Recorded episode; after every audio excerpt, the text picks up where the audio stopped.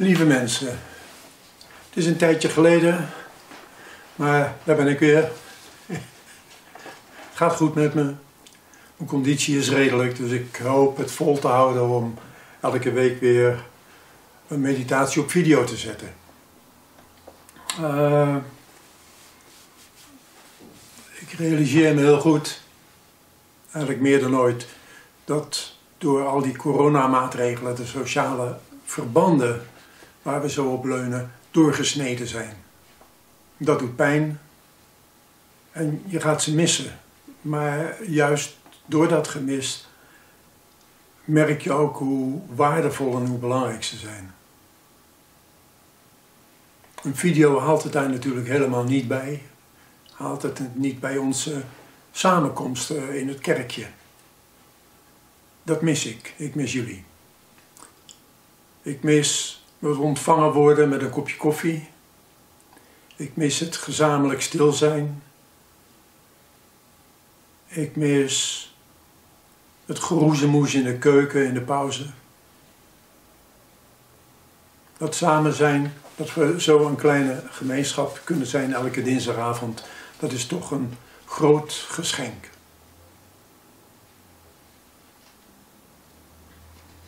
Maar goed, wat ik al zei met de video, beter iets dan niets. En tel je zegeningen. Dit keer eh, wil ik beginnen met niet zozeer een direct spiritueel verhaal, maar meer met een maatschappelijk probleem, een maatschappelijk vraagstuk. Je weet, ik. Uh,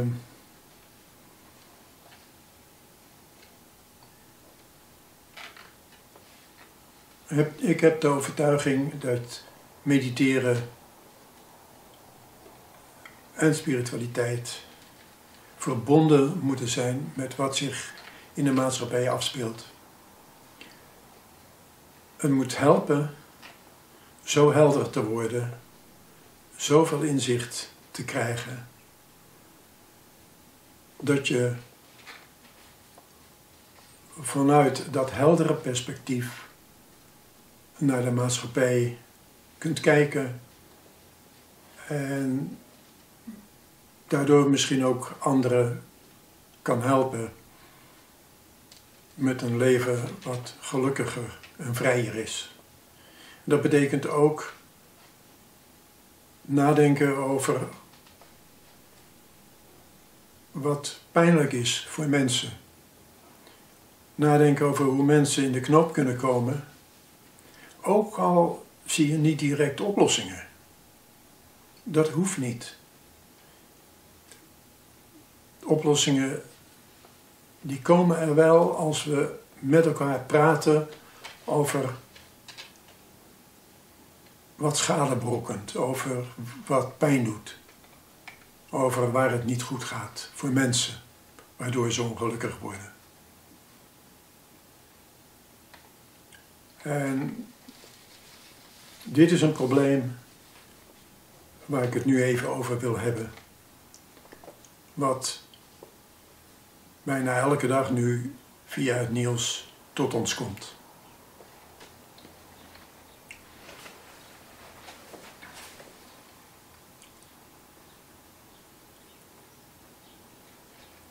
Ik neem het nieuws maar mondjesmaat tot me. Echt elke dag een klein beetje. Ik wil niet overspoeld worden door negativiteit en drama's en emoties.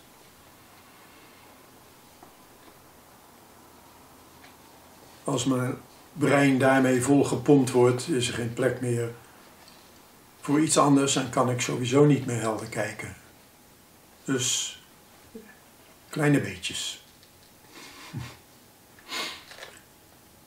Dit weekend was het trouwens wel leuk nieuws, nietwaar? Uh, ik kreeg prachtige plaatjes toegestuurd uit Kopenhagen en uit Drenthe. Plassen meren, vaarten vol schaatsende mensen. Het leken wel de koeien die in de lente uit de stal vrijgelaten werden. Zo uitgelaten en vrolijk waren de mensen. Geweldig. Er zijn dan van tijd tot tijd toch ook nog wel even leuke dingen. Tel je zegeningen. Ik zei het al. Goed, nu naar het nieuws.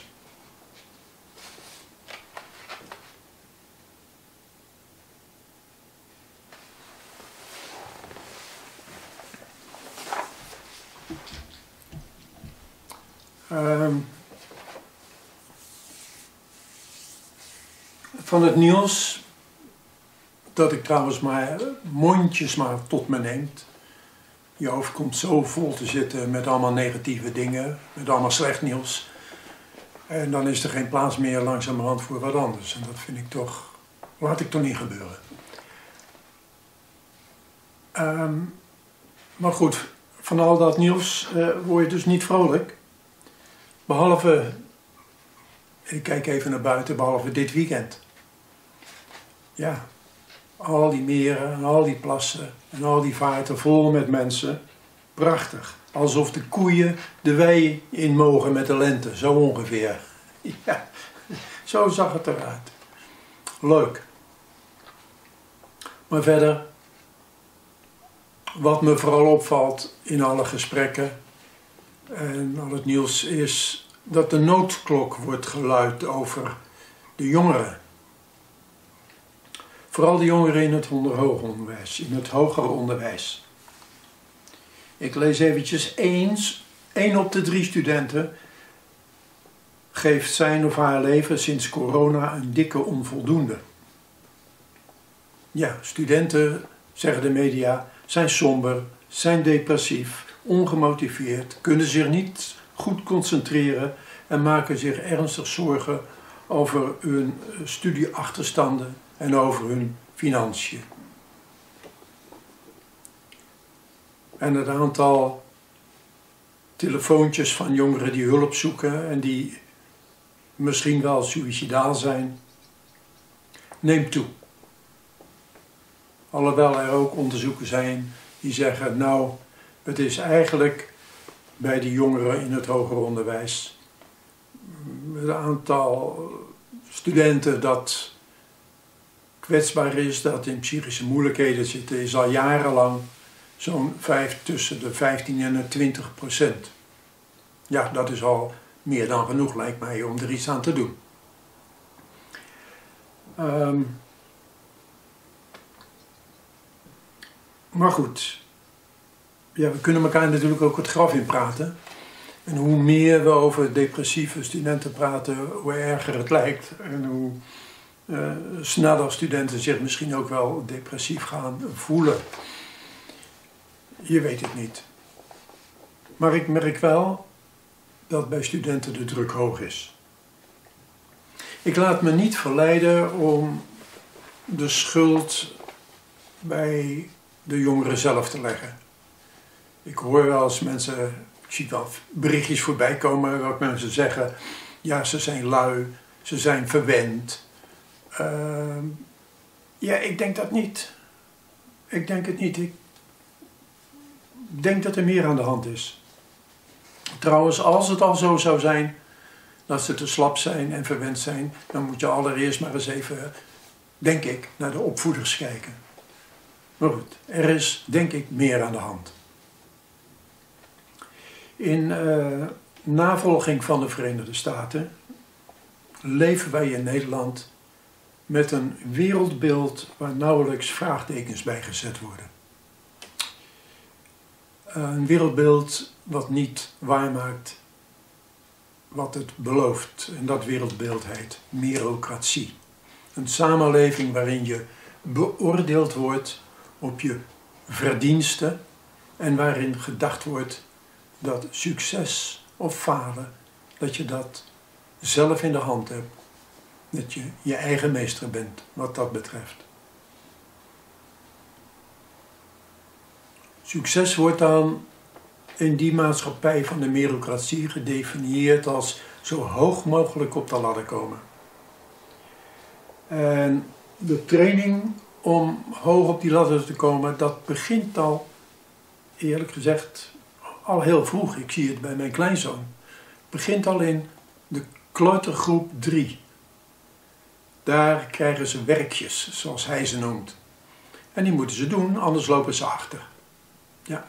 En daarna komen de CITO-toetsen en nog meer CITO-toetsen. Daarna komen ehm, de voortgangsgesprekken. Daarna komen de papers die geschreven moeten worden, de scripties die gemaakt moeten worden. Daarna de diploma's en daarna de moeite om een baan te vinden met perspectief op de toekomst. Ik lees een citaat voor uit de correspondent van vandaag, 15 februari, over studenten en meritocratie gaat die. Een van de belangrijkste kenmerken van zo'n meritocratie is dat de winnaars geloven dat ze hun succes eerlijk verdiend hebben, terwijl de verliezers hun falen aan zichzelf wijten. Voor degenen die deze red race aangaan, in de belangrijkste sorteermachine van de, van de meritocratie, het hoger onderwijs, resulteert dat schipperen tussen hoogmoed en zelfverwijt in wat ik maar even zielsvernietiging noem. Het bekt minder lekker dan burn-out, maar misschien is dat juist wel goed. Studenten zoeken zich een ongeluk naar manieren om die redrace vol te houden. Medicijnen, coaching, yoga, therapie, sport, agenda management, vitamines, gezond eten. Ik zie het gebeuren bij mijn zoon en bij mijn dochter. Op weg naar hoogleraarschap moeten er papers geschreven worden. Er moet geld binnengehaald worden. En lukt dat even niet, dan ben je af. Het is een machine die zichzelf omhoog schroeft en een spoor van menselijke vernedering achter zich laat. Want wat moeten al die jongens en meisjes van het VMBO wel niet van zichzelf denken? Daarom maar weer een citaat uit correspondent. Het is de vraag of het überhaupt wenselijk is, zo samenleving gerangschikt op talent en prestatie de bijbehorende ophemeling van een bepaald soort kennis en het hoger onderwijs waar die kennis wordt opgedaan, hebben volgens de politiek filosoof Sandel, een Amerikaan, er namelijk ook voor gezorgd dat laaggeschoold werk van zijn waardigheid is beroofd. De gevolgen van die vernedering van de werkende klasse zien we nu overal terug. In de omarming van populistische leiders die de vernederden hun waardigheid terugbeloven. En in de protesten op straat, waarin de waardigheid soms op gewelddadige wijze wordt teruggeëist van de elite. Dat spreekt mij wel aan. Dat spreekt mij wel aan.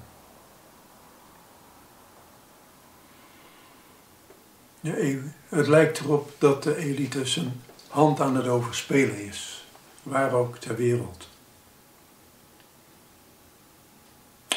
Misschien, dacht ik, is het niet helemaal toevallig al die aandacht in de media voor de gestreste studenten. Zijn journalisten niet zelf hoog opgeleid? Kijken ze zelf stiekem en wellicht onbewust niet een beetje neer op de lage scholden? En kunnen ze er daarom geen sappige artikelen over schrijven? In Amerika was er in de 60 jaren, begin jaren 60, een Amerikaans-Russische schrijfster, Ayn Rand.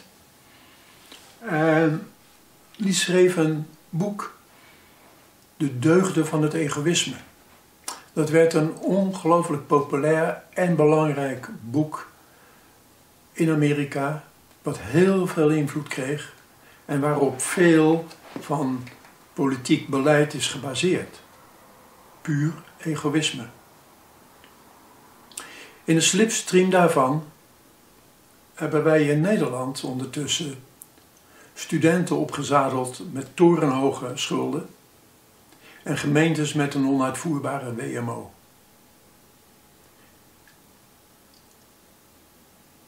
Wat een neoliberale regering is, neoliberaal gedachtegoed is, dat noem ik ego-liberaal. Een ego-liberaal gedachtegoed in de afgelopen decennia, dat heeft ervoor gezorgd dat de regering haar begroting klein kon houden. Dat de, ja, als je van studiefinanciering leningen maakt, dan rusten die niet meer op je begroting. Dan worden de studenten er zelf verantwoordelijk voor. En dat was dat denken in de meritocratie. Studenten zelf verantwoordelijk maken voor hun studie en voor hun studieschuld. Hetzelfde deed de regering met de WMO. De overheveling van al die taken, van al die zorgtaken die de regering had naar de gemeente, zorgde ervoor dat de regering haar begroting klein kon houden. En de verantwoordelijkheid kwam bij de gemeentes te liggen en bij de burgers. Sociale vangnetten werden opgedoekt. En we zien tegenwoordig waar dit allemaal langzamerhand toe leidt. Dat is allemaal vanwege de deugd van het egoïsme dat Enerwijnd predikte. Wat kunnen wij doen om niet in die stroom mee te gaan? Wat kunnen wij daarvoor in de plaats stellen? Uh, ik denk allereerst gaan inzien dat we wederzijds van elkaar afhankelijk zijn. We leven niet alleen. We zijn niet alleen. We leven niet in ons eentje. We maken altijd deel uit van een dynamisch en steeds veranderend netwerk, een ecosysteem. Ik kan mijn werk doen omdat de bakker brood voor me bakt, omdat de tandarts goed voor mijn gebit zorgt. Ik heb in hele moeilijke tijden steun gehad van mijn vrienden die mij er doorheen geholpen hebben. Ik ben ze ontzettend dankbaar daarvoor. Ik besef daardoor maar al te goed dat die hele merocratie helemaal niet bestaat. Het is een egoliberale fictie en een excuus voor egoïsme. Egoïsme is een jammerlijke vergissing, een illusie die we overhouden aan onze kleutertijd. We denken als we drie jaar zijn dat we almachtig zijn. En op de een of andere manier blijft dat gevoel aan ons kleven. Dan hebben we de neiging om dingen naar ons toe te trekken, de baas te spelen, het beter te weten, te stellen, noem maar op.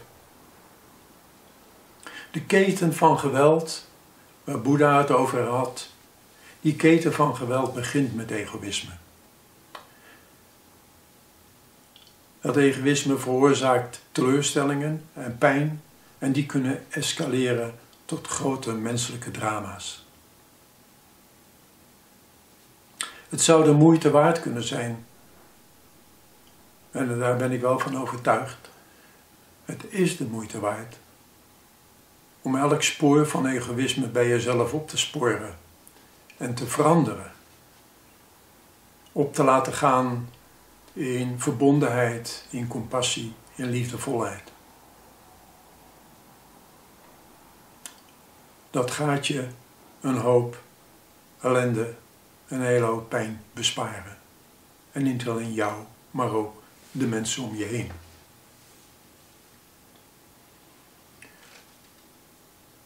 Het beste middel wat ik daarvoor ken is mediteren. Mediteren gebruiken als innerlijk onderzoek. Wanneer heb ik de neiging om mezelf voorop te stellen? Wanneer heb ik de neiging om het beter te weten? Wanneer heb ik de neiging om een ander af te troeven? Goed. Ik heb uh, niet het uh, belletje gegeven voor de meditatie. Ik moet er duidelijk nog even inkomen. Uh, maar goed, je kunt nu natuurlijk zelf de video uitzetten en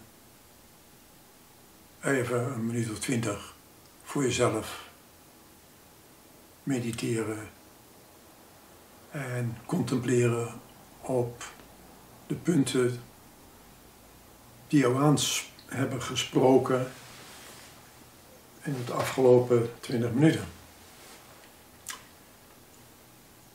Tot de volgende keer en het gaat jullie goed.